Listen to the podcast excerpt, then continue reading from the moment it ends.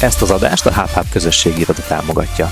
Párszor elhangzott már a HubHub neve az adásban, úgyhogy ez biztos nem meglepetés nektek.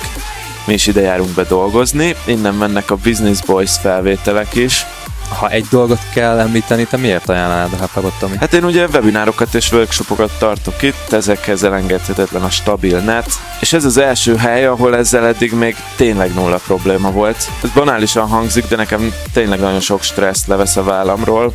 Nálad mi a number one dolog? Hát én meetingekre és coachingra hívok ide ügyfeleket, és mindig el vannak ájulva a dizájntól és az egész hely hangulatától. Elképesztően jól néz ki, nagyon szeretek ide bejárni egyébként. Kicsit olyan prezis, nem? Hát nem tudom, te dolgoztál Mindenesetre a másik dolog, hogy a produktivitásomon is érzem, hogy jót tesz a coworking hangulat, és az, hogy bejárhatok egy irodába, ahol más emberekkel lehet eh, együtt dolgozni, és hát persze végtelen mennyiségű kávét tudok inni. Oké, és tehát a lényeg az, hogyha egy nyugat-európai színvonalú coworkingből akartok dolgozni, kedves Business Boys hallgatók, ráadásul mindezt Budapest szívében, és akár meg velünk is találkoznátok, akkor gyertek a hub a Király utca 26-ba. Ja, és ugye itt voltak, és lesznek a Business Boys közösség találkozók is. Na, bocs, csak késéség kértek, fröccsöt hoztam egy kis bor. Nagy szeretettel köszöntök mindenkit egy újabb Business Boys adásban. Én Mester Tomi vagyok, és a mai napon Adi és Ati nem csatlakozott hozzám, ennek megvan a kis oka. Adi éppen utazgat a nagyvilágban, Atinak pedig egyéb elfoglaltságai vannak. Viszont megkértem két kedves barátomat, hogy helyettesítsék a sónak az eredeti házigazdáit, és itt ül velem egy másik Attila, Nagy Attila, akiről azt kell tudni, hogy ő a VP kurzus nak a VP kurzusnak az egyik alapítója. Ugye jól mondom, hogy ketten alapítottátok. Igen, ketten a testvéremmel, igen. Mindjárt Sziasztok. át is adom neki a szót. A VP kurzusnak az alapítója, a másik résztvevőnk pedig Körösi Bálint, aki pedig az 5 év 5 nyelv blogot viszi, és Azért hívtam meg őket ide, mert hogy nekünk ezt még a Business Boys adásban nem mondtam, de van egy kis mastermind csoportunk, mind a ketten online kurzusokkal foglalkoznak, csak úgy, mint én, és két hetente szoktunk tartani egy rövid Skype beszélgetést, ahol megosztjuk egymással, hogy éppen milyen problémáink vannak, hogy áll az új kurzus, segítünk egymásnak, ha valaki elakadt, motiváljuk egymást,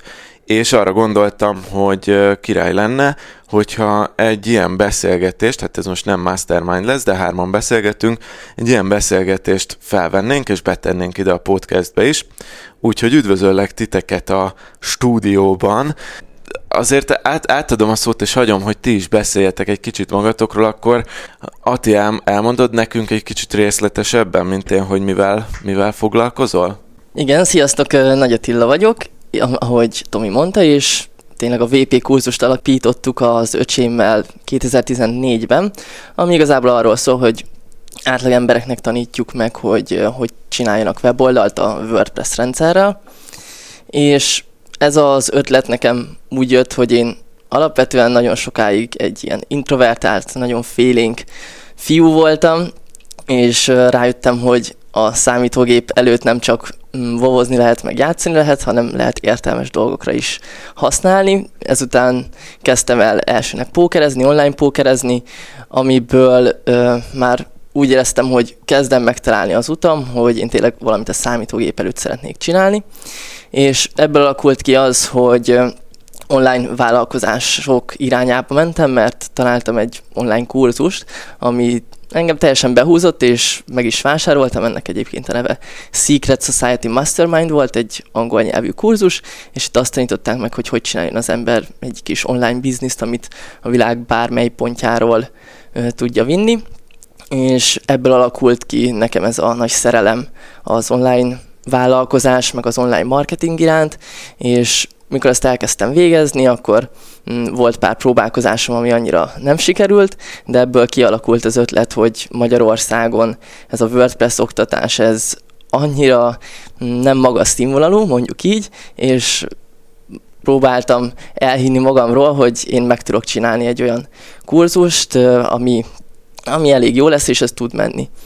És így jött igazából a 2014 2015-ben a, a VP kurzus ötlete, és én soha nem csináltam előtte weboldalt, azóta se csináltam sose weboldalt, és így az öcsémnek szóltam, aki, aki webfejlesztő, meg weboldalakat készít, hogy van-e kedve csatlakozni, és akkor így indult el az útja. 15-ben kezdtük, és 16-ban indult el rendesen az első ilyen beta verzió, és azóta már nagyon sokat alakult, egyre jobb szerintem, azóta már vannak élőképzéseink, vannak különböző részei a kurzusnak, és egyre újabb tanfolyamokat és más irányba is elmegyünk, vállalkozásindítás, meg, meg hasonló dolgok felé. Szóval kb. így, így jött nekem ez a, a VP kurzus ötlete, és most ott járunk, hogy, hogy ezt próbálom minél nagyobbra ö, alakítani, és külföldi piacra is lépni, több tanfolyamot készíteni. Szuper. Jó, erről majd beszélgessünk. A, szerintem ez például egy nagyon érdekes téma, hogy hogy azért sokan úgy vágnának bele az online kurzusozásba, meg én is úgy vágtam bele, hogy van egy téma, amihez én értek, és amit úgy gondolom, hogy én el tudok magyarázni, és akkor egy személyben megtestesül a, a szakértelem meg a tanár is. Nálatok viszont egy más hozzáállás van, az az, hogy van a szakértő, aki ugye az öcséd, a webfejlesztő, és vagy te a, a tanár típusú ember, aki meg mindezt el is tudja magyarázni, és ennek a, azért, ahogy így beszélgettünk korábban, megvannak elég sok előnye a, például ahhoz képest, ha valaki egyedül csinálja ezt a dolgot, viszont akkor most átpasszolom a szót Bálintnak, aki egy teljesen más területtel foglalkozik. Mi ez a terület? Így van, Bálint? sziasztok, én is üdvözlök mindenkit. Körösi Bálint vagyok az 5 év oldalnak a szerzője, önálló nyelvtanuló. 2009-ben indítottam az oldalt, akkor még csak így saját dokumentálásra, mert az volt a tervem, hogy 5 év alatt megtanulok 5 nyelvet. A projekt az 2014-ben ért véget.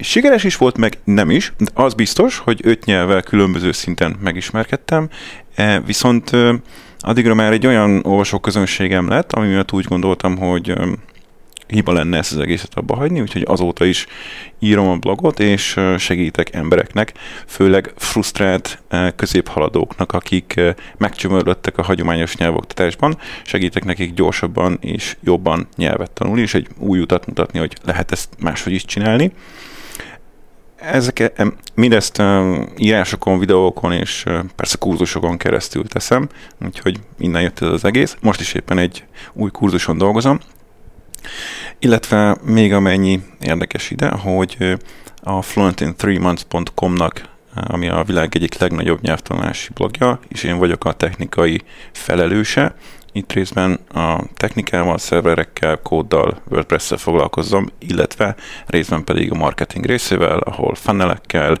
sales-el, ilyesmivel, úgyhogy a fluentin3months.com-nál is a, a kurzusok, az online kurzusok az üzleti modell, úgyhogy ez még így releváns. Úgyhogy nem csak a saját uh, side businessem, de igazából a, a fő munkám is az online kurzusokban áll. Úgyhogy az én történetem röviden ennyi az egészet illetően.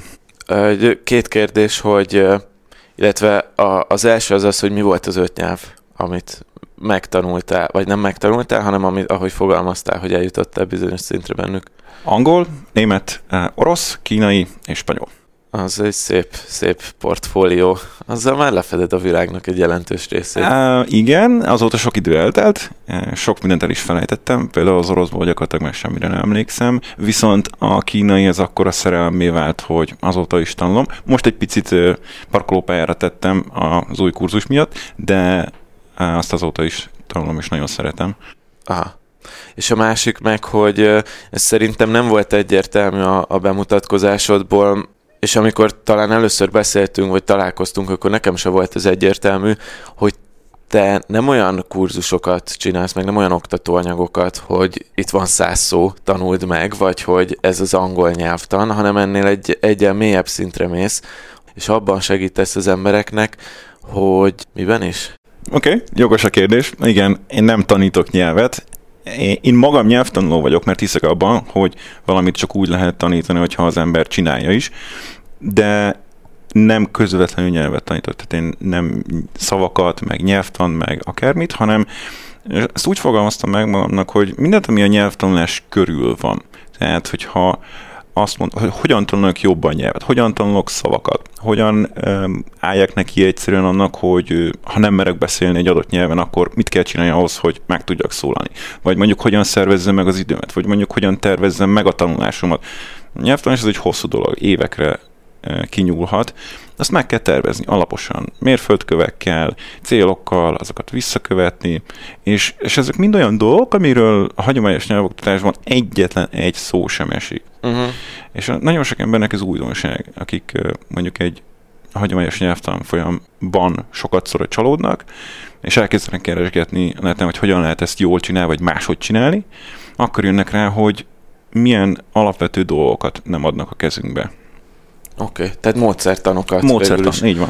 Jó, na, tehát azt, azt szerintem bátran mondhatjuk, hogy mind a ketten full-time-ban, illetve hát mind a hárman full-time-ban online oktatással foglalkozunk, viszont akkor kanyarodjunk is rá a, a, a, a nap témájára.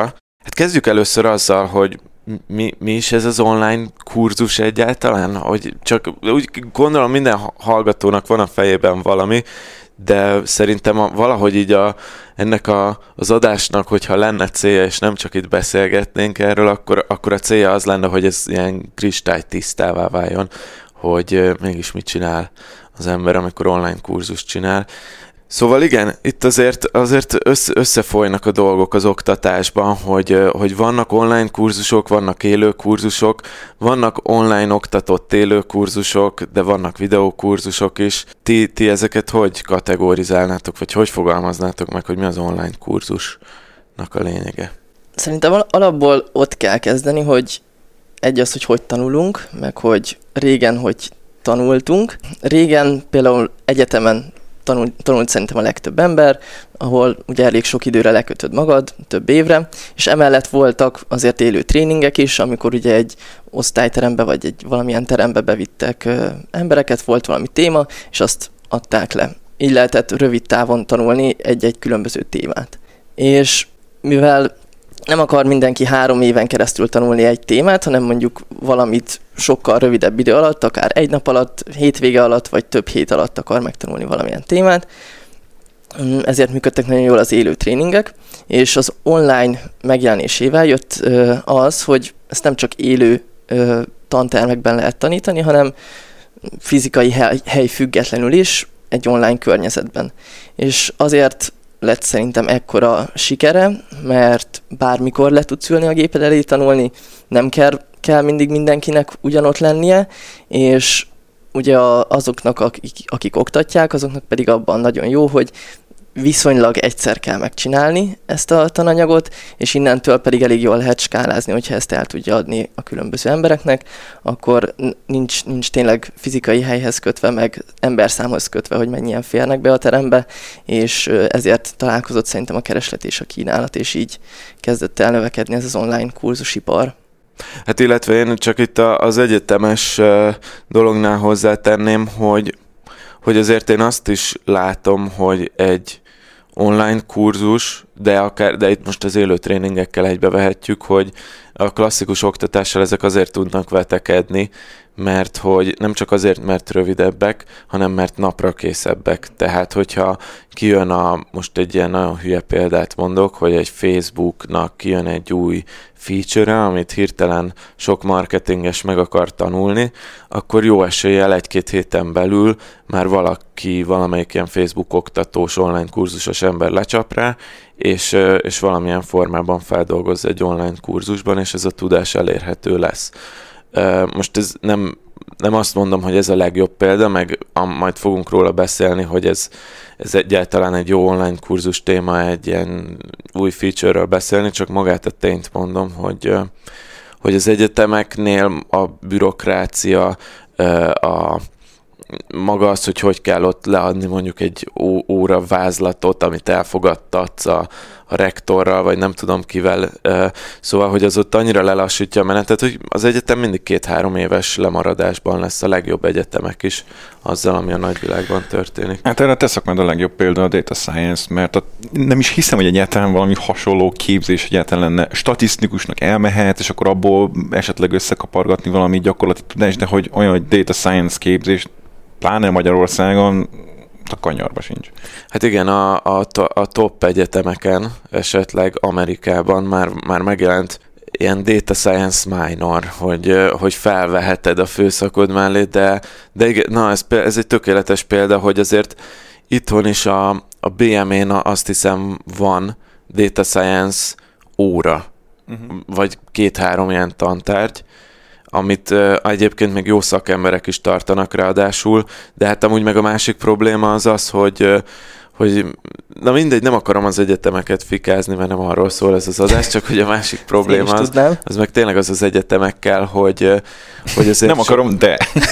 hogy, hogy, hogy sok szakember nem megy el az egyetemre oktatni, mert valami, mert, mert nem kap tőle annyit vissza, mint, a, mint, mint amennyit mondjuk egy saját oktató biznisztől visszakaphatnak. Viszont így a kereslet kínálat is tök, sokkal jobban találkozik, mert hál' Istennek 2019-ben már ott vagyunk, hogy ez az egész infrastruktúrálisan tök könnyen megoldható, nagyon kevés pénzből. Tehát, hogyha én azt mondom, hogy értek a makramé szövéshez, akkor abból csinálni egy oktatóanyagot, amit gyakorlatilag bárki az egész világon megvehet, az nem egy nagy tudomány, meg lehet csinálni.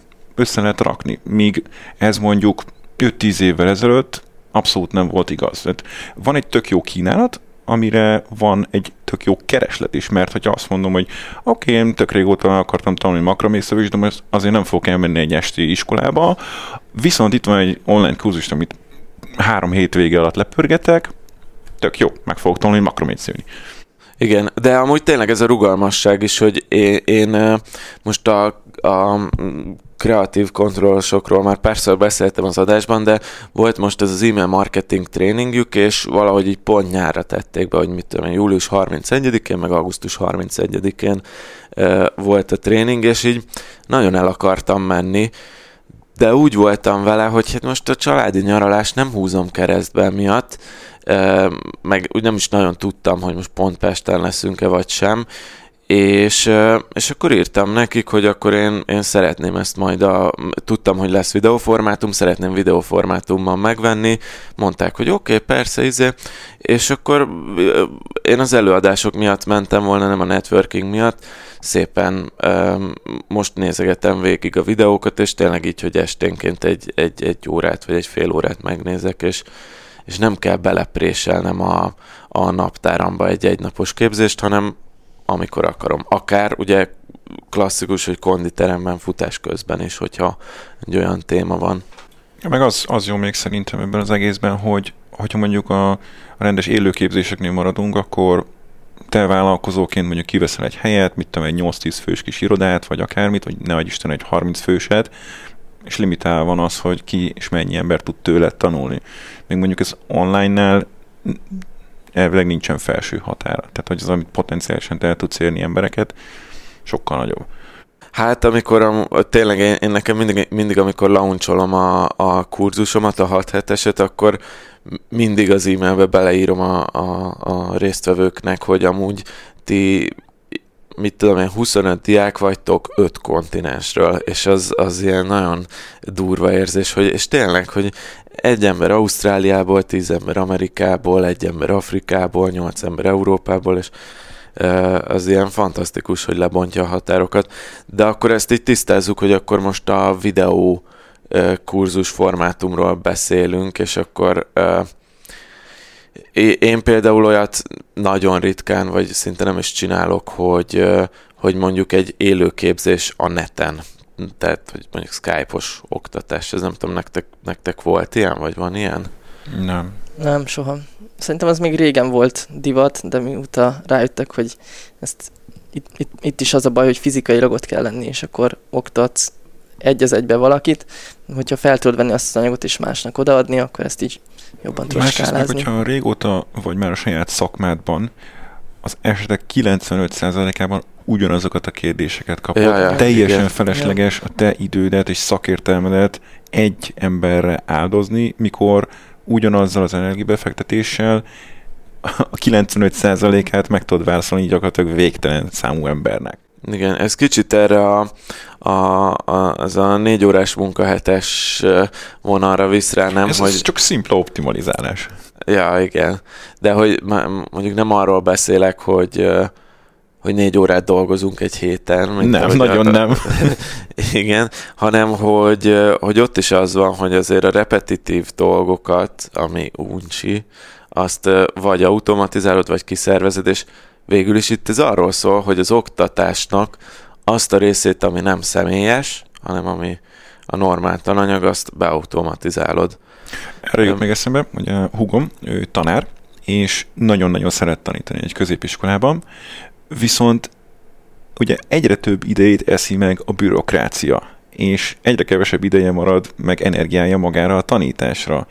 És erről csak az most be, hogy ha én online oktatok valamilyen anyagot, akkor pont, pont a bürokrácia, vagy az adminisztráció az egy tök jó példa arra, amit le lehet adni a vállamról, és nem nekem kell azokat a dolgokat intézni, amit más is meg tud helyetten csinálni, mint mondjuk egy, egy középiskolai vagy egy egyetemi tanárnál nem feltétlenül van így. Jó, mondjuk én ott a középiskolai tanároknál így most, most kezdek el belegondolni, hogy azért nekik tényleg minden évben ugyanazt a tananyagot kell leadni, és a, ami elvezetes maradhat abban az mondjuk az, hogy hogyan tudják azt még jobban elmagyarázni a, a diákoknak, szóval az én, én eddig is minden tiszteletem volt a jó középiskolai tanároknak, de most már egyre inkább érzem azt, hogy miért is nehéz az ő szakmájuk. Hát nekem most van egy képzésem, amit mondjuk öt éve tartok, most már évente csak ilyen mondjuk kétszer, de már most is úgy vagyok vele, hogy lehet, hogy jövőre nem is tartom, mert hogy már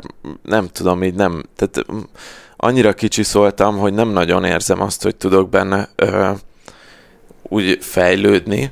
Visz... Meguntad, mondd ki. Igen, meguntam kicsit, és akkor ez lenne a jó időpont, hogy ebből az egészből egy online videókurzus csináljak, de nem fogok, amúgy azért nem, erről majd beszélgethetünk később, mert ez pont egy olyan anyag, ahol ilyen eszközöket mutatok, online eszközöket, azok meg két évente változnak amúgy, és akkor felveszel egy videót, és két év múlva váltett fel újra, hogy megváltozott a, nem tudom, a Google Analytics-en az egyik gomb már nem itt van, hanem ott. És mindenki pánikol, hogy úristen, de nem úgy van, mint a videóban. Igen, igen. Igen, mondjuk erről Ati tudna sokat mesélni, mert azért a WordPress-nél jönnek ki a frissítések keményen. Igen. Igen, ne- nekem, mikor én ezt elkezdtem, akkor tudtam, hogy kettő nagy problémája lesz az én témámnak. Az egyik a, a customer service, vagy ügyfélszolgálat, hogy ugye segíteni folyamatosan embereknek, meg kérdésekre válaszolni, hogyha valahol elakadnak. A másik meg ez a frissítés téma, mert a WordPress-nél nem csak maga a WordPress változik, hanem hozzá az összes bővítmény, hozzá össze, az összes ö, külső szoftver, meg a Facebook, a Google Analytics, minden változik folyamatosan, és ezt tudtam, hogy ez, ez nehéz lesz, és igen, ez is egy fontos kérdés, hogy a, a kurzusod az evergreen, vagy ilyen örökzöld lesz-e, szóval, hogy kell-e mondjuk egy-két-három éven belül rajta alakítani, vagy folyamatosan frissíteni kell, de szerencsére én tud, tudtam, hogy, hogy ezt majd kell frissíteni, de ezt bevállaltam, mert tudtam, hogy, hogy én azért tudom ezt jól csinálni, mivel ezt bevállalom, mert mások meg nem vállalják be, hogy folyamatosan frissítsék az anyagokat. És ezért tud olyan jó lenni az anyag, amilyen, mert mi bevállaljuk, hogy, hogy ezeket monitorozzuk, hogy, hogy mi hogy működik. Arra nekem az egész meg az jutott eszembe, hogy igen, tök jó, hogyha valamihez nem kell hozzányúlni, de azt hiszem most már mind a hárman elmondhatjuk azt, hogy ilyen nincs, hogy egyszer felveszem, és akkor utána az örök életemre úgy marad. Ugyanakkor persze tök jó, hogyha ezt örökzöldben lehet csinálni, viszont uh, itt is két út van. A tiék, amit csinálnak, az az egyik, hogy megmutatnak eszközöket, hogy hogyan használ, és tényleg elé tesznek mindent, csak le kell követni. Meg van a másik része, amikor örök alap igazságokat magyarázol és tanítasz meg, tehát mit tudom én, Tominál mondjuk azt, hogy hogyan gondolkodj egy, egy statisztikai problémáról. De ezt ugye nehezebb eladni, mert ez nem olyan szexi, mint azt igen, mondani, igen. hogy a Pythonban nem tudom, leprogramozod az akármit. Viszont én azt gondolom, hogy én, én szeretek, szeretek lemenni amennyire lehet az alapokhoz, és megnézni a, a, a problémák gyökerét, és azt ott kezelni igazából csak ennyit akartam a témához fűzni, és ebből következik, hogy valószínűleg sokkal kevésbé kell gyakran frissíteni, mivel az alapproblémák, bármilyen téma körül is legyen szó, ugyanazok maradnak. De ez amúgy igaz, amit mondtál, hogy, hogy valószínűleg a te a nyelvoktatásban azért van az, hogy egy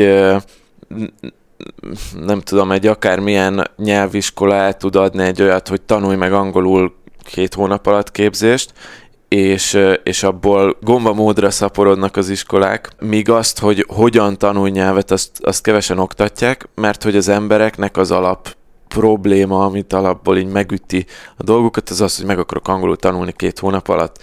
És ö, lehet, hogy több eredményt érnek el azzal, hogyha a módszertant megértik és tudnak maguktól tanulni, sőt biztos, csak hát ugye ezt nehezebb eladni e, nekik. Ez a, a görög Ádám volt nálunk e, néhány hete vendég az adásban, és ő is erről mesélt, hogy, hogy neki is az a problémája, hogy ő, ő alapból önfejlesztésről akarja tanítani az embereket, mert ő ebben hisz, ez az izéje, de az, egész online vállalkozást, mert ő online vállalkozást tanít, ő azért kezdte el oktatni, mert azt vette észre, hogy ez az, ami az embereknek, ez egy, ez egy, ez egy tárgy, vagy tehát ez egy olyan téma, ami megragadja a fantáziájukat, és ennek kapcsán elkezdenek foglalkozni az önfejlesztéssel, ami az online vállalkozáshoz kell.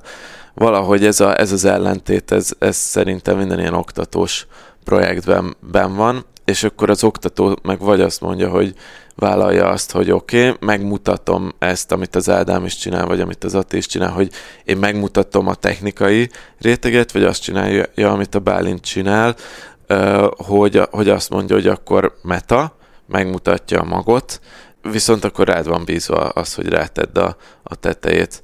És ez csak azért érdekes, mert akkor így lesz egy kurzusból evergreen, ami, ami örökre használható, vagy egy olyan típusú, amit azért néha frissíteni kell, mint a, az Attinak. Nekem amúgy az enyém az valahol fél, fél úton van, mert szerencsére a Python az például nagyon lassan frissül, szóval azért úgy nekem olyanok vannak, hogyha mondjuk így nem tudom, kijön egy új oprendszer, és akkor ott valamilyen kompatibilitási hiba van a, az új Python nyelvvel, akkor mondjuk végig hát meg ne felejtjük el a 8 millió különböző könyvtárat, meg függvényeket, ja, amik ja, összeakadnak igen. gyönyörűen. Igen, igen, igen. Szóval ott, hogyha valami összeakad, akkor azt kell kezelnem, és akkor felvenni egy uh, sorry, but uh, ezt így kell csinálni videót. Ja, amit igen. most nem is rég, nem, nem rég volt szerencsém csinálni is. Hmm.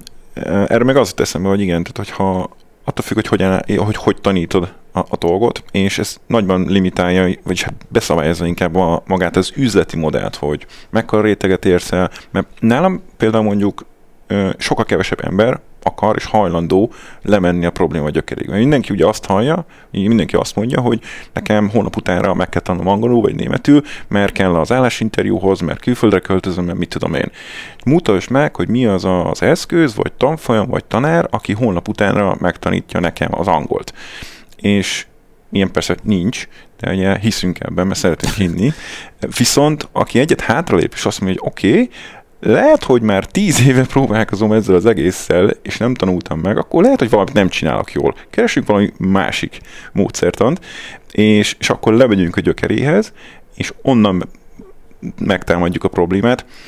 Ez jó, hogy sokkal jobban behatárolja a piacot, mert sokkal-sokkal-sokkal kevesebb ember hajlandó ezt megtenni. Ezzel mondjuk szerintem semmi gond nincs. Én sokkal jobban szeretek olyan emberekkel dolgozni, akik hajlandóak beletenni a, a melót. Uh-huh.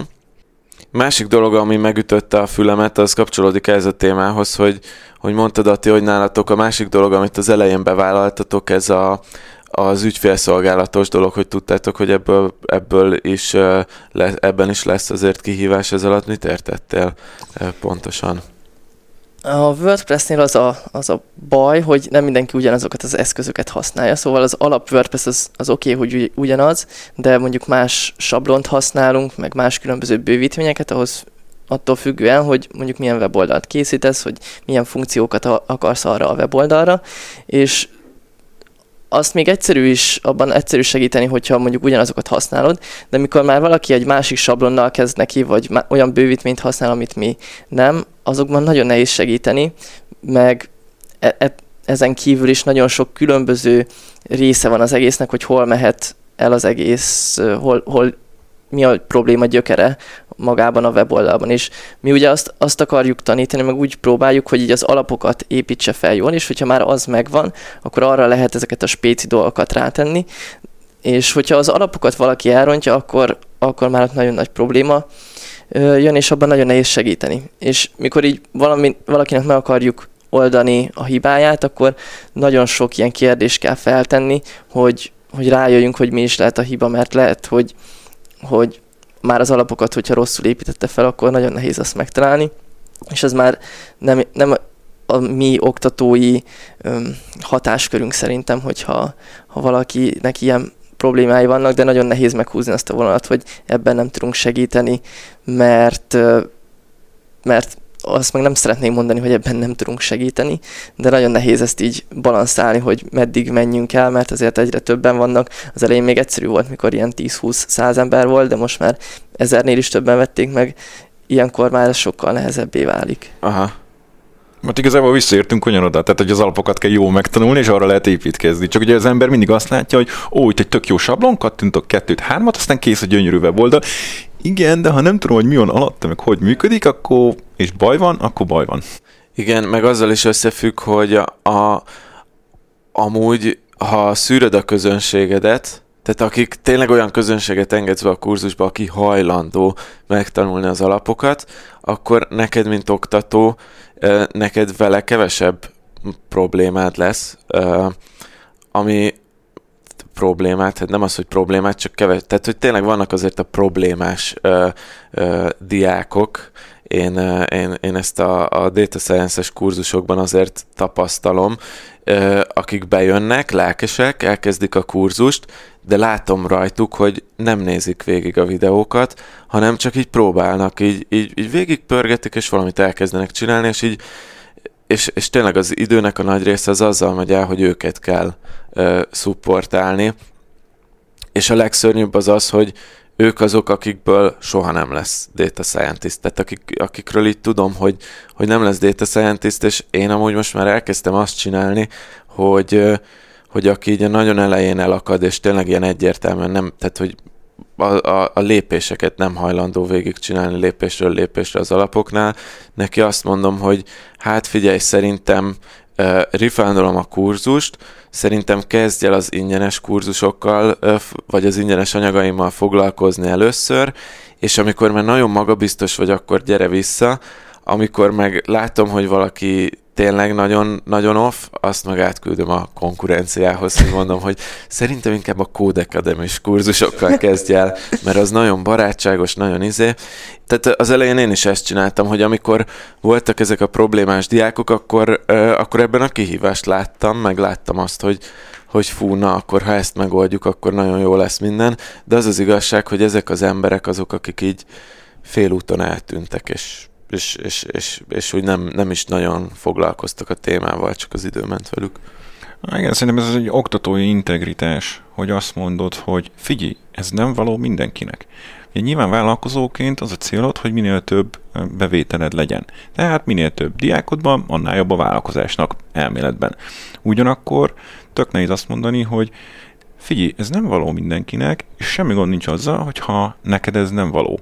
És már mondta Derek Silvers, hogy minden rendben van azzal, hogyha 99%-át az embereknek kizárod a dolgaidból, de akkor az az 1%, az az 1 akinek tényleg való, őket meg, rájuk meg nagyon figyelsz. És szerintem pont ugyanerről van szó Tominál is. Hát igen, csak tudod így, amikor valaki azt mondja, hogy oké, okay, erre rászánom a pénzt, rászánom az időt, és már megszületett benne a döntés, hogy ő ezzel, ezzel akar foglalkozni, és akkor neki azt mondani, hogy hát figyelj, ez nem neked való, én ott egy kicsit gonosznak szoktam érezni magamat. Nem értek egyet ezzel. Te vagy a szakértő, te vagy benne abban a témában már több mint tíz éve. Neked van egy olyan rálátásod nem csak a szakmára, hanem az egész mezőre, mert mindenre, hogy tudod, hogy aki így áll hozzá az egészhez, abban soha élben nem lesz data scientist.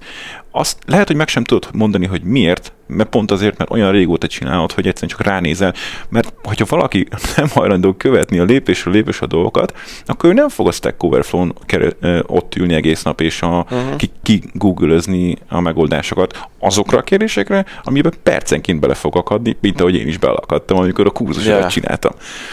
Tehát, hogy igazából szerintem ez integritás kérdése, hogy te azt mondod, hogy te már tudod, hogy ez neki nem való, és azt mondod, hogy figyelj, ne, ne vesztegessük egymás idejét és pénzét. Persze ne, nem azt mondod, hogy ez neki nem való, ez, nyilván ezt lehet szépen is kommunikálni, de szerintem ez a fair hozzáállás, hogy azt mondod, hogy nem.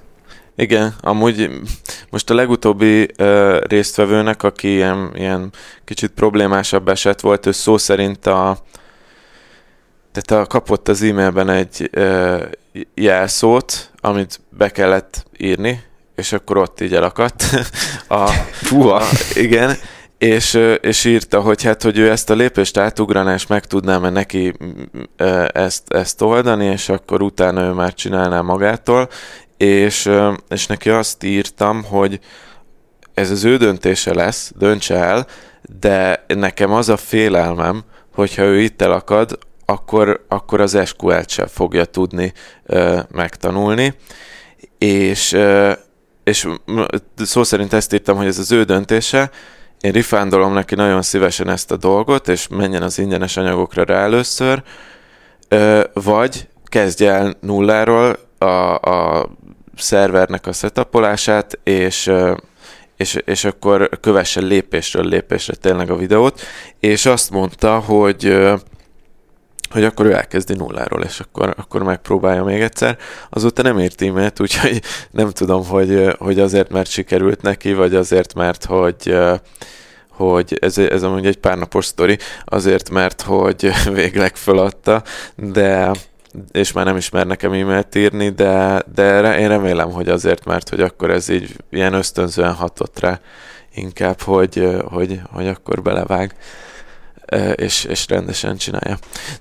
Na mindegy, ezt csak így föl akartam vetni, mert hogy nekünk van ide egy ilyen pont felírva, hogy, hogy, hogy majd erről azért beszélgessünk, hogy, hogy akkor ez, ez igaz-e, hogy passzív jövedelem jön a, az online kurzusból. Attinak egyébként van egy, most jött ki egy YouTube-os videója, meg van egy cikkje a passzív jövedelem kulcsszóra ezt csak azért így mondom, mert hát tényleg, ha beírjátok a Google-ba, akkor amikor felvesszük ezt az adást, akkor első helyen vagy a passzív jövedelem kulcsszóra a cikkeddel, és a YouTube-on meg harmadik helyen vagy a passzív jövedelem kulcsszóra a, a YouTube-on a videóddal, és a, ami tetszik nekem a, a te anyagodban, meg amúgy a, a többiek is, akik azért benne vannak a, az első találatokban, azért hála az égnek, mindenki azt írja, hogy azért ez a passzív jövedelem nem is olyan passzív, vagy hogy nem, nem, nem pont arról szól, hogy így ö, lógatod a lábadat, és az online kurzusnál is van egy ilyen, hát egy ilyen tévhit, vagy egy ilyen üzenet, amit sokan mondanak, hogy csak vedd fel az online kurzusodat, tedd föl Udemy-re, és soha többé nem kell dolgoznod. Uh, ne, veletek ez történt? Meséljetek róla, mert... Aranyos a kérdés. mert nekem nem sikerült ezt megcsinálnom. Ja, hát az egész szerintem onnan indul, hogy igen, ez nagyon jól hangzik ez a passzív jövedelem, hogy egyszer megcsinálod, sőt az elején még azt hiszik az emberek, hogy csak így jön a pénz, szóval nem is kell csinálni semmit. De... De hogy meg se kell csinálni. Meg se kell csinálni, csak az a legjobb. valamit befektetsz, és akkor jön a pénz folyamatosan, vagy valamit így megcsinálsz egy hét alatt, és akkor kész. De ez inkább szerintem arra vonatkozik, hogy így mi a motiváció az egész mögött, mert az elején azoknak jön fel ez, akik mondjuk olyan munkát végeznek, amit nem szeretnek, vagy olyan úgy telnek a napjaik, hogy nem szeretik a napjaikat. És nekem is ez volt, hogy nem tudtam, hogy mit csináljak magammal. És mikor én is erről tanultam, akkor nekem is ez, ez nagyon megtetszett, és ugye az online kurzus az egy elég jó, hát ilyen monetizálási forma erre, hogy tényleg viszonylag egyszer megcsinálod, és akkor jön belőle de mikor már elkezded csinálni, és olyan dologgal foglalkozol, amit szeretsz, akkor utána már nem az lesz, hogy nem akarsz vele foglalkozni, pontosan azért, mert szereted csinálni.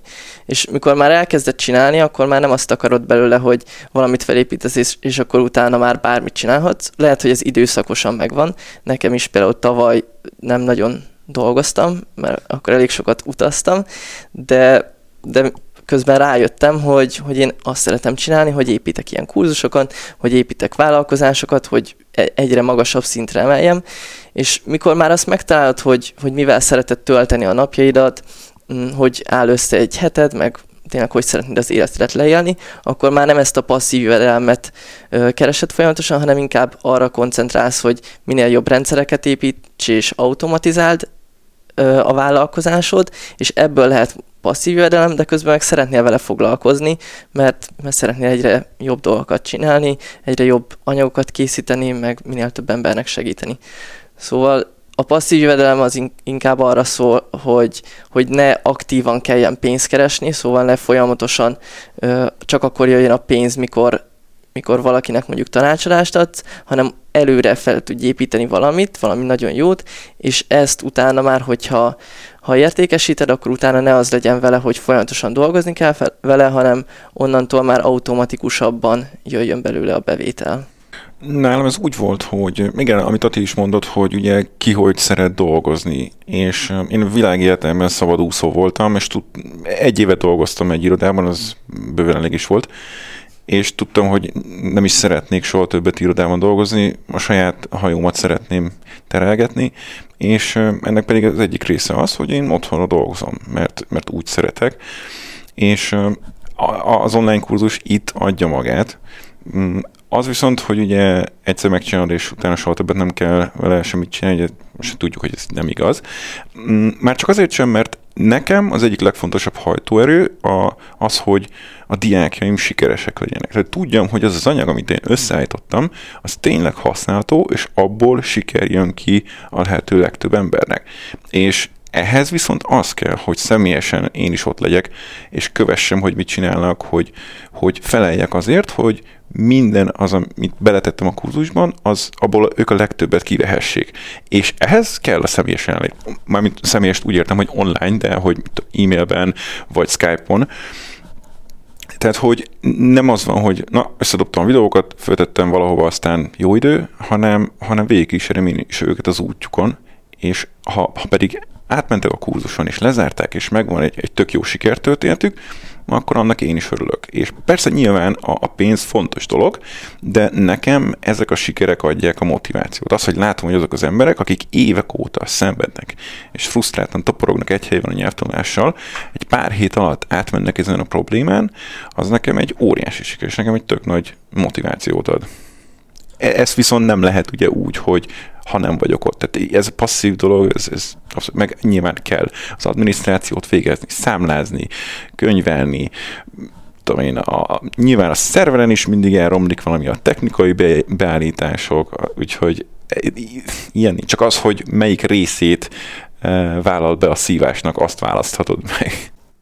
Ez a személyes jelenlét, akár csak e-mail szinten, vagy chat, vagy, vagy Skype szinten, ez bennem is nagy kérdés, mert nekem Nekem úgy néz ki, hogy egy kurzusom van, ahol személyesen skype-olok, a többinél nem annyira, és a, ennél az egy kurzusnál viszont azt érzem, hogy, um, hogy ez azért a skálázhatóságnak a korlátja.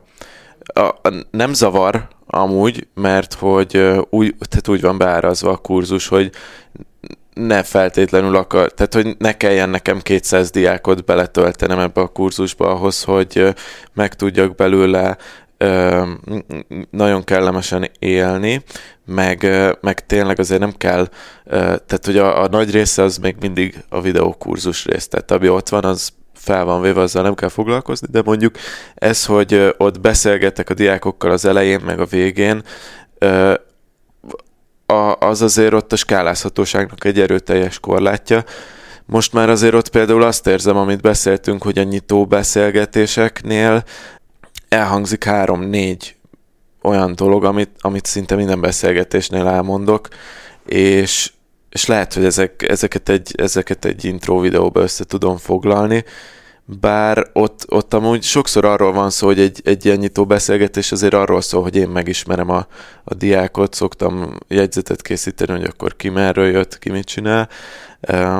Úgyhogy igen, ez, ez azért egy nagy ellentmondás de én amúgy a passzív, tehát a, a passzív részét azt nem csak ebben látom, mert ezt azt mondom, hogy ezt, ezt így lehet korlátozni, hogy azt mondom, hogy nekem négy havonta egyszer indul ez a kurzusom jelenleg, és akkor azt mondom, hogy négy havonta van egy, egy olyan két hetem, egy hét a kurzus elején, meg egy hét a végén, amikor nagyon intenzíven skype-olok a résztvevőkkel, Viszont amit mondtál, hogy azért valami mindig elromlik, meg amit Ati te mondtál, hogy valamit azért mindig lehet fejleszteni, meg, meg új dolgokat építeni, hogy, hogy én is azt érzem, hogy itt azért nem passzív ez a jövedelem, mert lehet, hogy egy bizonyos része passzív, meg automatizált, viszont ha ebben az ember akar tovább haladni, fejlődni, vagy akár csak szinten tartani is, és nem lefelé menni a, az idővel, ami ugye a természetes része, hogy így mondjuk elavul egy kurzus, akkor,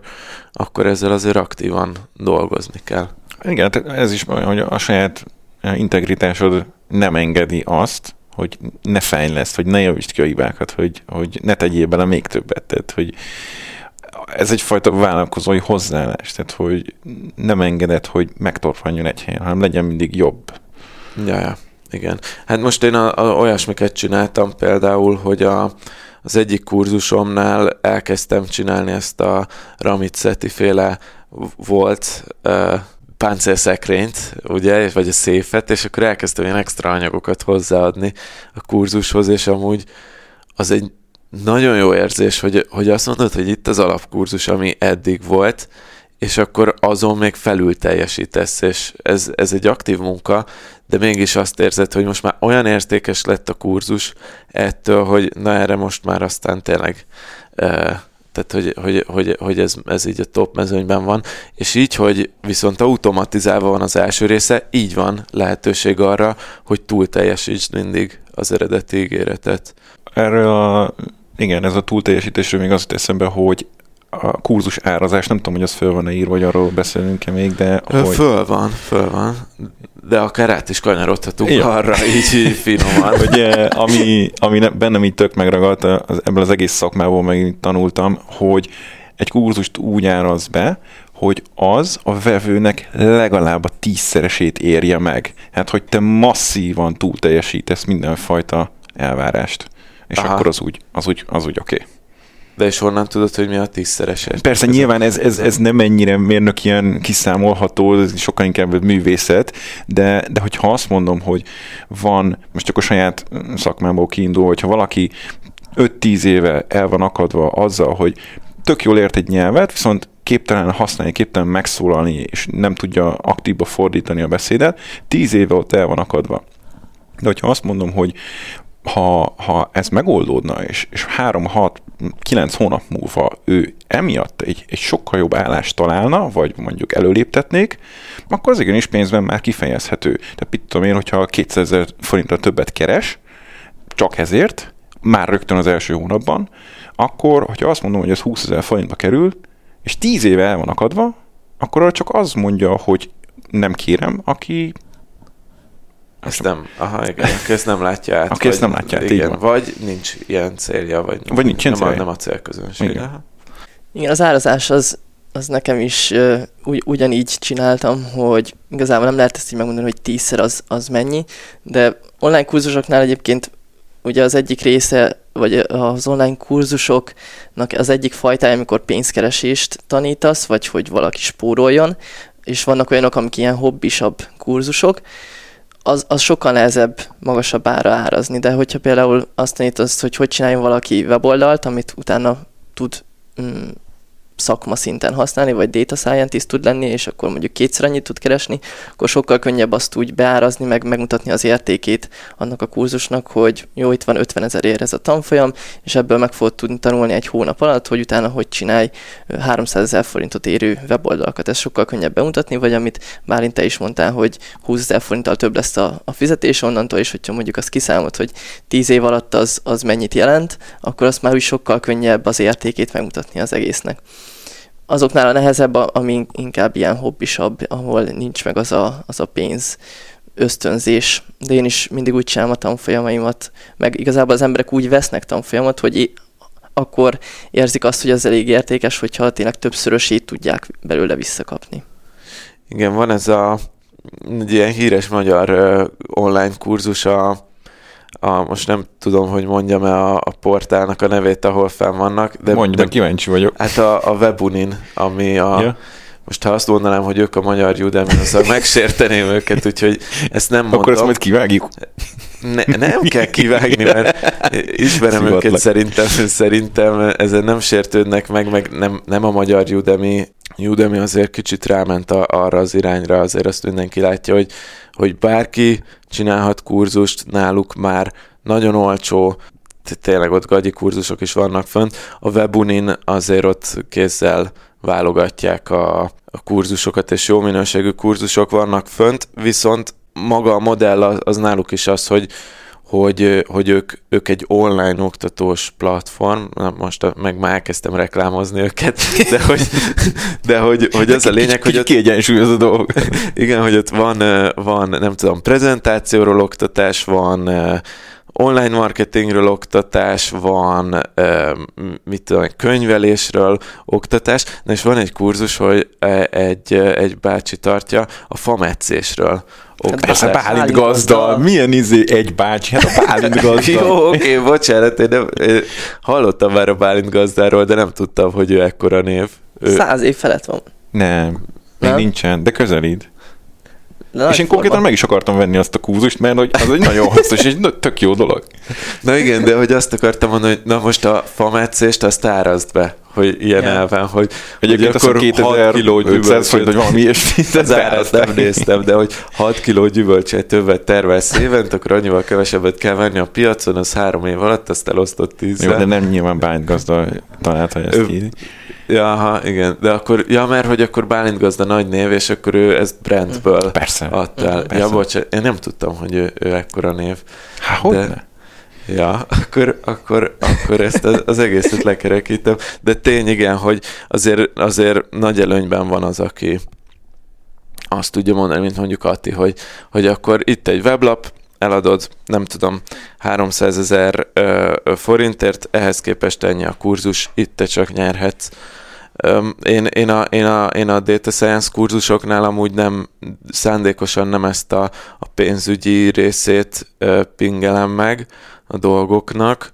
Én azt vettem észre, hogy hozzám azok jönnek kurzusra, aki leszoktam írni, mondjuk hogy van egy cikkem, amiben leírom, hogy persze jó fizetésed lesz, de ne azért ö, tanulj meg a data science-et, hanem azért, mert, és akkor kb. minden egyes ok az, az arra megy rá, amit én magamnál is éreztem, hogy ez egy ilyen önérzeti dolog, hogy én, én amikor a Prezinél dolgoztam, mindig azt éreztem, hogy ja, én vagyok az adatelemző, aki mindent tud, többet tud, mint a CEO, én vagyok az adatelemző, akit megkérdeznek erről, arról.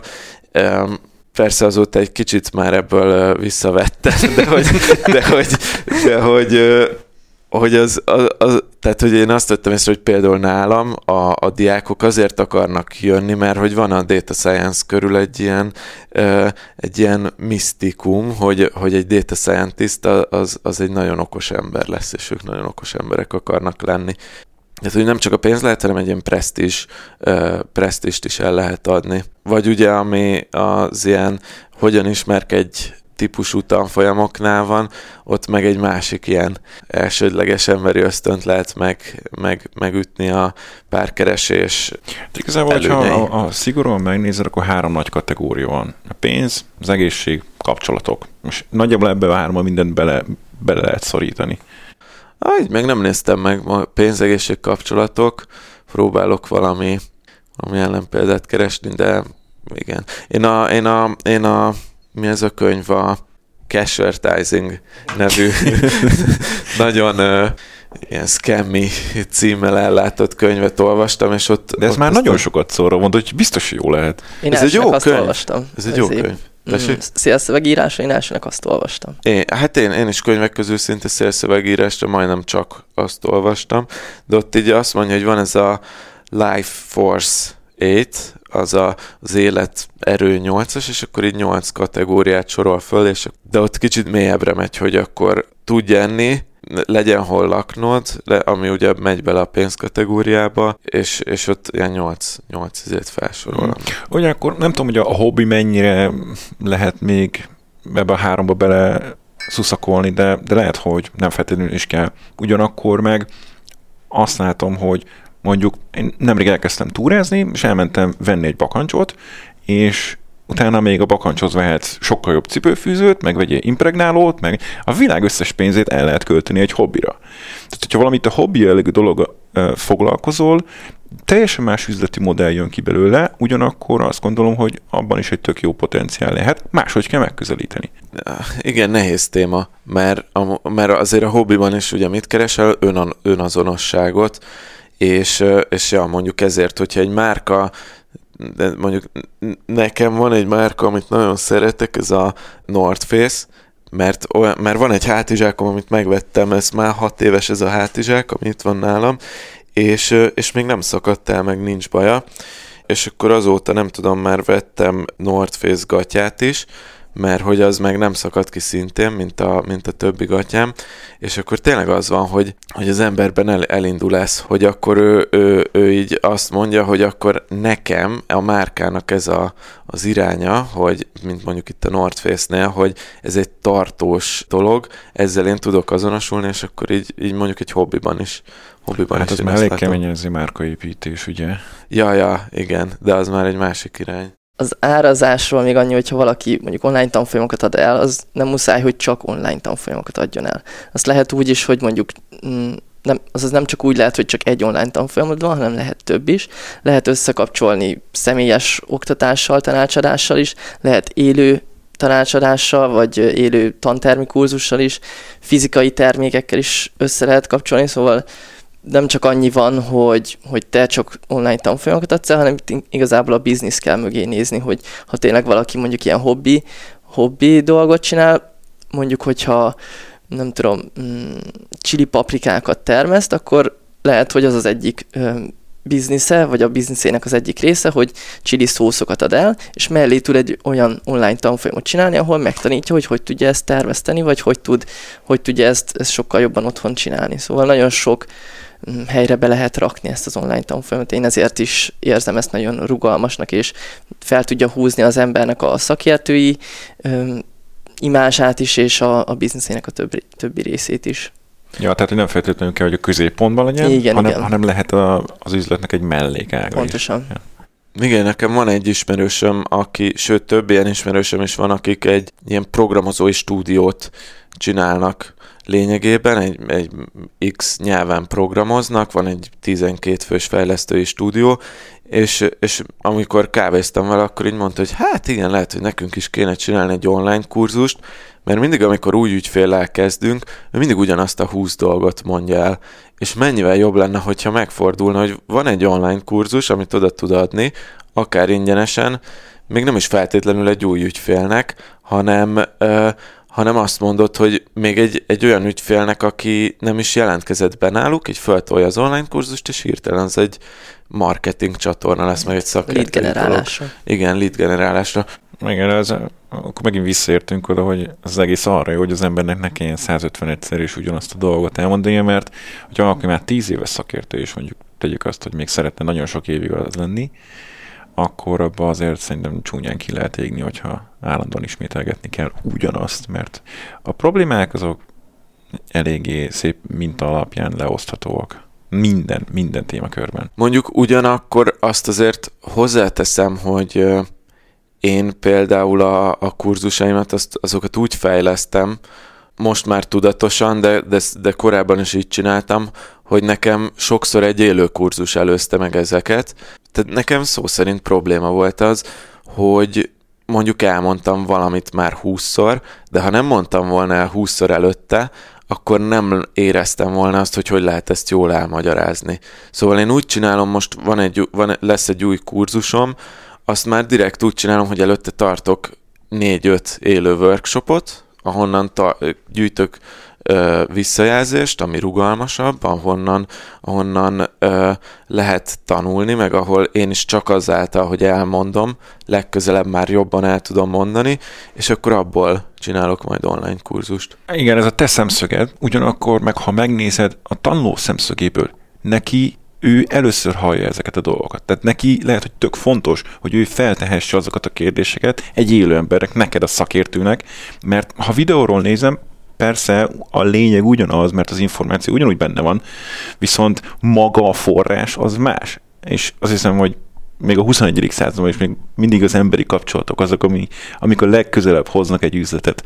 És, és hogyha oda tudok menni, vagy akár csak Skype-on fölhívni, és azt mondom, és megkérdezhetem, hogy figyelj Tomi, itt akadtam el ebben, és te elmondod, az egy dolog, hogy van róla egy videód, és valószínűleg elő tudnád keresni, de maga az az, az, az interakció sokkal többet érne nekem, hogyha valaki személyesen mondta el nekem azt, hogy ezt hogyan kell csinálni. Nem neked, mert te már halálra magad benne, de nekem, mint diáknak, az baromi sokat jelent. Aha, ez igaz.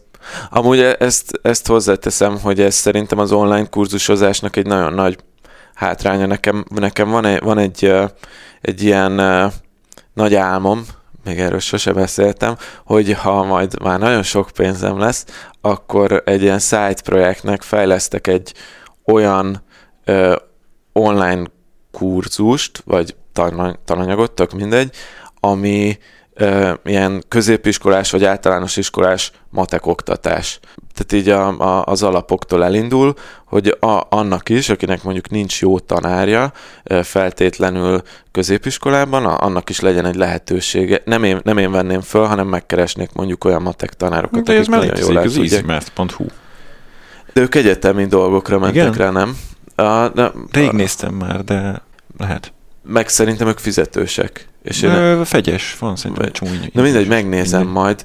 A, a, tehát, hogy az a lényeg, hogy, hogy amit mond, ki akartam ebből hozni, hogy viszont nekem az a kételjem, hogy ez pont egy olyan dolog, hogy neked a, a jó matek tanár az nem csak jól elmagyarázza uh-huh. az anyagot, hanem ott van veled, és, és motivál, és, és egy videót azt te már eleve akkor indítasz el, ha motivált vagy, és tanulni akarsz, és pont a mag problémára, amit belülről van, hogy elindítani egy embert az úton, arra lehet, hogy csak egy élő képzés képes, de mondjuk, tehát itt meg ott tartunk, hogy oké, okay, nem mindenkinek szól egy online kurzus. Ezzel vitatkozni egy kicsit, nem feltétlenül kellene élőnek lenni. Szerintem maga a forrásnak a személyisége a lényeg. Tehát a saját példám az, hogy emlékszem, hogy anyadikes is voltam, azt hiszem, ötödikes, igen, felsős voltam általánosban, és Marika néni, a német tanárunk, ilyen kilométer hosszú német ragozási táblázatokat írt fel a táblára, 11 éves gyerekeknek,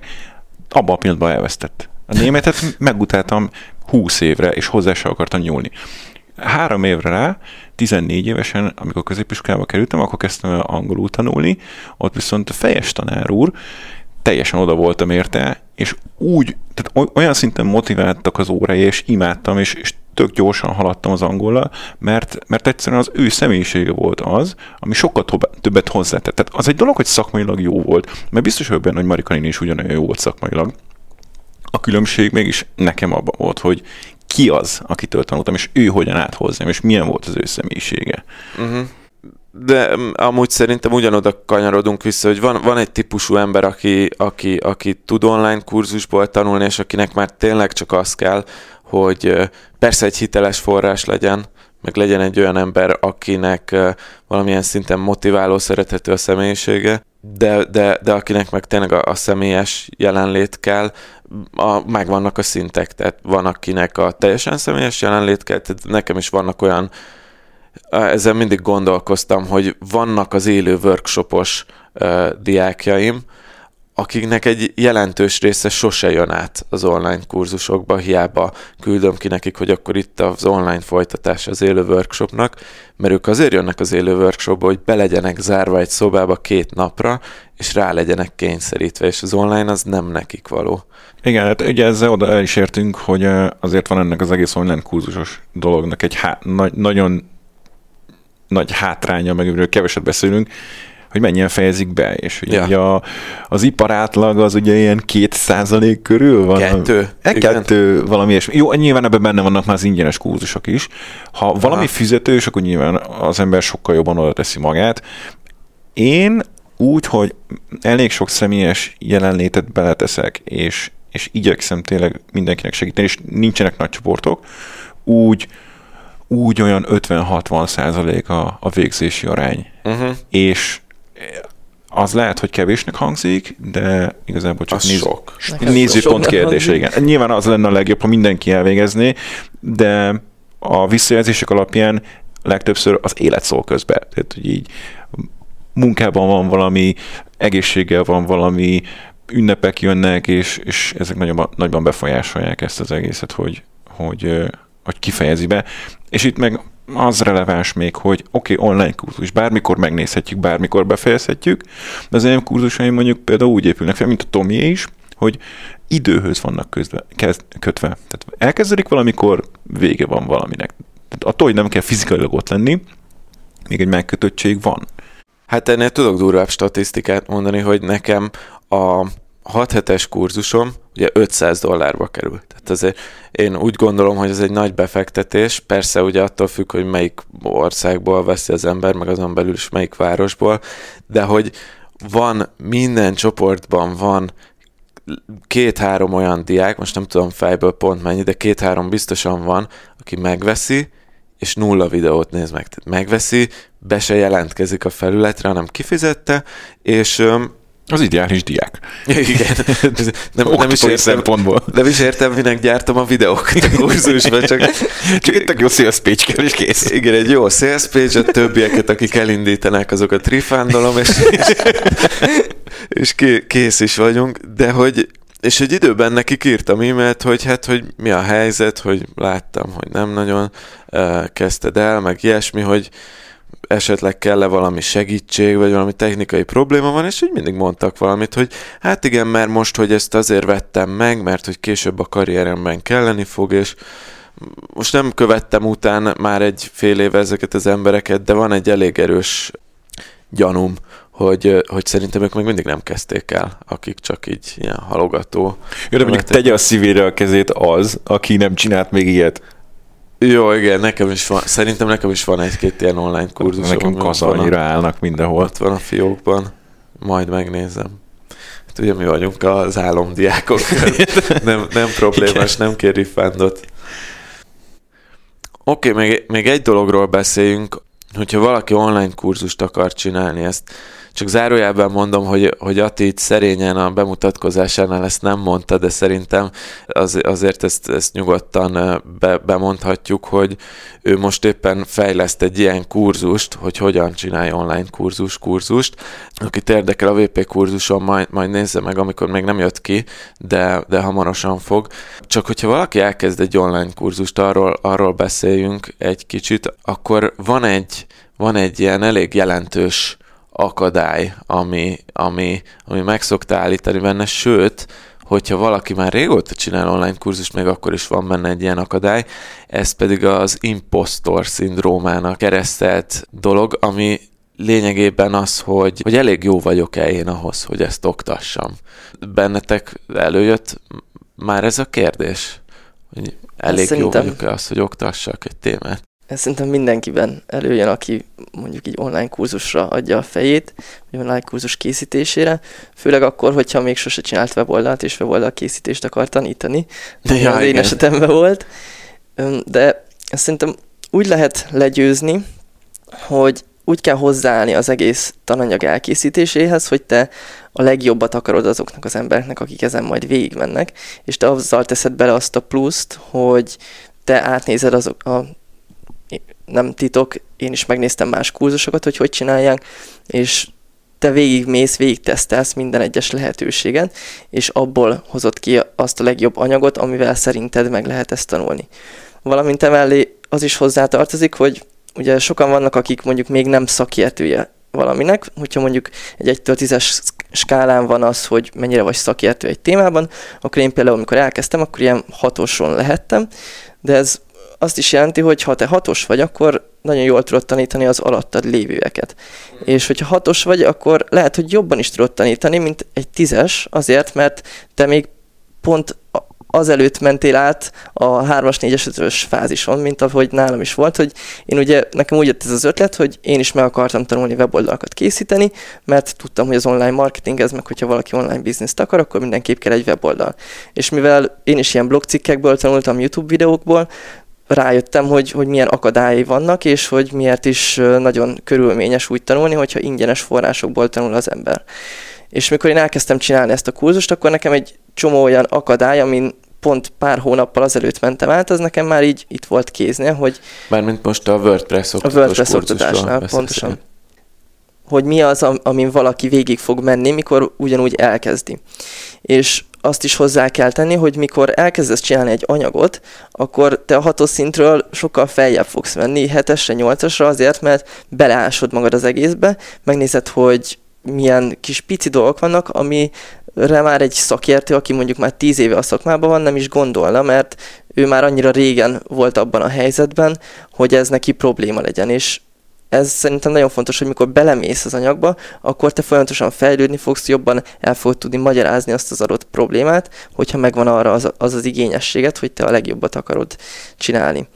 Ezért szerintem simán el lehet kezdeni akkor is, hogyha valaki nem szakértő, de úgy nem lehet elkezdeni, hogyha ha nem akarod tényleg a legjobbat adni, és nem akarod tényleg a, a legnagyobb segítséget az embereknek adni, akik akik nullán vannak, egy, egyes szinten, kettes szinten vannak, hogy megértsd őket, hogy ők mi mehetnek keresztül. És ezért is nagyon jó, hogy te úgy csinálod, hogy már élő tréningeket tartasz előbb, hogy te ott észreveszed azokat a visszajelzéseket, amiket majd be tudsz építeni a kurzusba, mert te már val- te még valószínűleg, vagy már valószínűleg nem tudod azt, hogy nekik milyen problémái lesznek, és ezért nagyon fontos ez a feedback, ez a visszajelzés, hogy meglegyen, mert, mert anélkül nem tud fejlődni ez az egész. Ezt én, ezt én is e, ezt folyamatosan tapasztalom, hogy, hogy nehéz felmérni azt, hogy mi az, ami egyértelmű az embereknek, és akkor azt nem kéne túlmagyarázni, meg mi az, ami, ami meg én, én azt hittem, hogy egyértelmű, de szinte ki se térek rá, és akkor így be lehet súlyozni, de, de amúgy e, ez az, amit az elején mondtam, hogy neked meg az a szerencsés ebben a felállásban, amit csináltatok, hogy azért neked ott a bátyád, aki... Öcsém. Bocsánat, igen, öcsét, ez, ez a báty, bátyak, bátyok ezekre mindig nagyon érzékenyek, Igen, hogy ki az idősebb, hogy ő, ő valószínűleg akkor egy 8-as, 9-es, 10-es szakértő a témában, és ott van mögötted, aki segít, viszont mivel te hatos vagy, ezért egy 3-as, 4-esnek, vagy 0-1-2-3-asnak el tudod úgy mondani, ahogy valószínűleg az öcséd, már nem tudná, hiszen ő tízes. Viszont, viszont akkor így két fejbe szét van szedve a, a, a tanár, aki jól tudja elmondani, meg a szakértő, aki el, el mögé az egész mögé a hitelességet beteszi. Igen, én, én igazából a tolmács vagyok, a, ja, ugye, mert főleg ugye... Fordító. Magyarról igen, magyarra fordítani. Igen. igen, mert ugye akik programozók, vagy ilyen WordPress tréningjeik voltak, ők általában igen, programozók, és nekik egy máshogy beszélnek, tényleg én sem értem, hogy mit beszélnek, de de én azt le tudom fordítani ilyen normális magyar nyelvre, mert én is azon mentem végig, én is, én is pontosan tudom, hogy, hogy mi az, amivel nekem problémám volt, és hogy, hogy is lehet ezt megérteni egy olyan embernek, aki, aki éppen elindul. Nekem az egész impostor szindróban egy ilyen akkora meglepetés volt, hogy mikor rájöttem, hogy van ilyen, tehát nem is tudtam, a Wikipédián teljesen véletlenül akadtam rá, és így, ja, hogy ezt éreztem már évek óta. Másrészt viszont ez szerintem témafüggő is, mert mint mondjuk Attinál, ahol viszonylag jól mm, felépíthető lépésre lépésre, hogy mit kell csinálni, addig mondjuk az én témakörömben nagyon-nagyon sok különböző megközelítés létezhet, ugyanahoz a megoldáshoz. Tehát, hogyha valaki egy stabil nyelvtudást szeretne elérni, ahhoz nagyon sok különböző út vezethet. Hát, hogyha én azt mondom, hogy de az enyém a tuti, és az a tuti, és mindenkinek ezt kell csinálnia, az nem feltétlenül jó, és, de ha meg azt mondom, hogy hát jó, hát ezt próbáljátok ki esetleg, de lehet, hogy igazából én sem vagyok benne, biztos franc tudja, az se jó. Megvan a, a két véglet, de, de valahol kell egy határvonalat húzni, és pont az, amit mondhatok, hogy, hogy kell, kell ez a kezdői szemlélet is mellé, és mondjuk én ilyen szempontból tök szerencsés helyzet vagyok én is. Egy pár hónap ezelőtt egy nagyon régi olvasom, Lívia csatlakozott a céghez, és ő pont ugyanezt csinálja, mint én, ő mentorálással foglalkozik, én pedig őt mentorálom, tehát hogy a, az én tudásomat átadom neki, és ő pedig átadja a diákjainknak, vagy az olvasóknak, és hiszek abban, hogy ő nagyon sok minden sokkal jobban tud nálam, mert pont, mert ő sokkal közelebb van ahhoz az állapothoz, mint a diákjaink. És, és ez egy nagyon jó, nagyon jó dolog, mert a, ha valaki tényleg évek óta, vagy évtizedek óta szakértőként magyaráz valamire, azt hiszem, hogy az egyetemi tanárok a legjobb példa. Hát nekem nem volt olyan egyetemi tanárom, akinek értettem volna egy szavát, hogy mi, miről beszél. Mert egyszerűen nem tudják már átadni, mert annyira a zsigerükben van. Mm, Igen, szóval ez az impostor, és, és az a csúnya az impostor szindrómában, hogy amikor az ember már azért évek óta nyomatja az online kurzusozást, akkor is előjön ez a, a mastermindjainkban is azért, Ja, azért, igen. azért elő szokott fordulni, hogy, hogy, a- hogy mondjuk az adott embernek az adott kis beszélgetése, az, az arról szól, hogy meg kell erősíteni benne, amit amúgy tudnia kéne az adott embernek, most ez ak- akármelyikünkről beszélhetnék hármunk közül, hogy ő jó ebben, de amikor csinálod a tananyagot, és, és nincs visszajelzésed a diákoktól, és, és, és nem tudom, vagy egy, és így nézegeted a magasabb szintű szakembereknek a, az anyagait, akkor úgy előjön benned, hogy hát lehet, hogy nem te vagy a legjobb ember, aki ezt oktatja, de szerintem ilyenkor mindig arra kell gondolni, amit az Atti mondott, hogy, hogy neked nem kell tízes szintű szakértőnek lenni ahhoz, hogy jó anyagokat csinálj, sőt, mondjuk itt meg hozzáteszem, hogy azért, igen, igen de tedd hozzá te már. Ez az én veszőparipám, hogy, hogy 2019-ben már mindenki szakértő, és mindenki szakértői vlogot csinál, szakértői videókat csinál, és az is, akinek nem kell. Általában az, impostor szindróma ott nincs meg, annál, akinek kellene, hogy kettesből tízes. aki kettes, igen. Vagyis De egyébként ennek, kettes, ennek, igen. van, ennek a biasnak van is egy neve, fú, nem fog eszembe jutni. Mindegy. Igen. A lényeg az, hogy en, tehát ez egy létező dolog, aki minél kevesebbet tud egy adott témából, annál kevésbé van az az érzése, hogy ő keveset tud, és valami minél többet tud, annál jobban érzi az impostor szindrómát. Igen. Azt gondolom, hogy nagyon-nagyon sokan vannak, akik nem, nem érzik ezt az impostor szindrómát, és nekem van olyan ismerősöm, aki mm, média szakemberként utána mm, rá, le, sikerült lefogynia x kilót, és akkor ő, ő gyakorlatilag onnantól dietetikus lett, tehát ő blogot vezetett róla, és megmondta mindenkinek, hogy hogyan kell ezt csinálni. Em, Nem, nem értek ezzel egyet. Tehát, hogy ez, ez, a, ez, a, ez a másik, másik nyelv a, a Mhm. mérlegnek. Úgyhogy nem kell mindenkinek szakértőnek lenni minden témában. Igen, mondjuk ezért nehéz belőni, hogy, hogy pontosan te akkor mennyire vagy jó, meg mennyire nem, de mondjuk erre, nem, erre van általános recept, hogy akkor mikortól csinálhat valaki online kurzusokat? Igen, tehát hogy itt nincs annyira szabályozva, mert ugye nincs végzettség, ez egy csomó mindenből, tehát neked sincs papírod adattudományokból, viszont nekem te egy abszolút hiteles ember vagy, akitől nagyon szívesen tanulok, mert ott van x száz év szakmai tapasztalat, gyakorlatod, megcsinált projektjeid, meg, meg tehát valamiből nem is tudsz papírt szerezni, valamiből nem is kell, de Ez... nem is biztos, hogy ér valamit az a papír Az meg a manapság, szóval Igen. inkább tényleg a mentalitás kell szerintem hozzá, hogy igen, de az, meg, akarsz, az meg hogy ugye nincs, bocsánat, nincs, az nincs az önéletrajzolom, hogy én jó fej vagyok. pedig mi mindannyian jó fejek vagyunk. Igen. Ja, nehéz téma. Oké, és nem tudom, szerintem azért nagyjából mindent érintettünk, elég jól kiveséztük a, az, az alapkérdéseket, amik, amiket néztünk, vagy a, am, amikről beszélni akartunk. Bennetek maradt még valamilyen záró gondolat, vagy vala, akármi, amiről nem beszéltünk, és szeretnétek? Nekem van záró gondolatom. Akkor, Az az ára. akkor, akkor te vagy. Jó.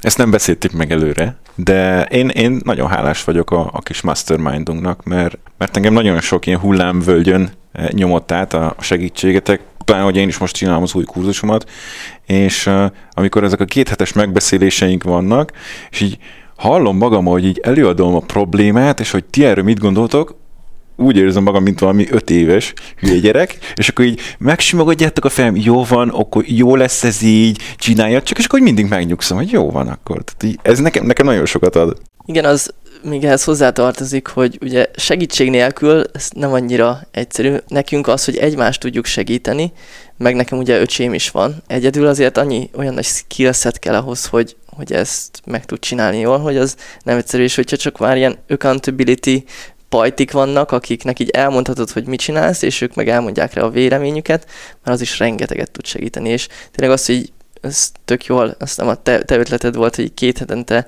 csináljunk egy ilyen Skype megbeszélést, és akkor mindig el tudjuk mondani, hogy mit csináltunk, mik a te- tervek a következő két hétre, és azzal így, így nagyon szépen az útvonalon lehet, útvonalon lehet tartani magunkat, és hogyha kétségünk van, akkor a, a másik két ember azt el tudja oszlatni. Igen, ez, ez szerintem egy tök jó gondolat, hogy nem is feltétlenül kell megoldani a problémát, hanem csak az maga, hogy elmondhatom, hogy figyelj, itt vagyok elakadva, mert az is óriási segítség.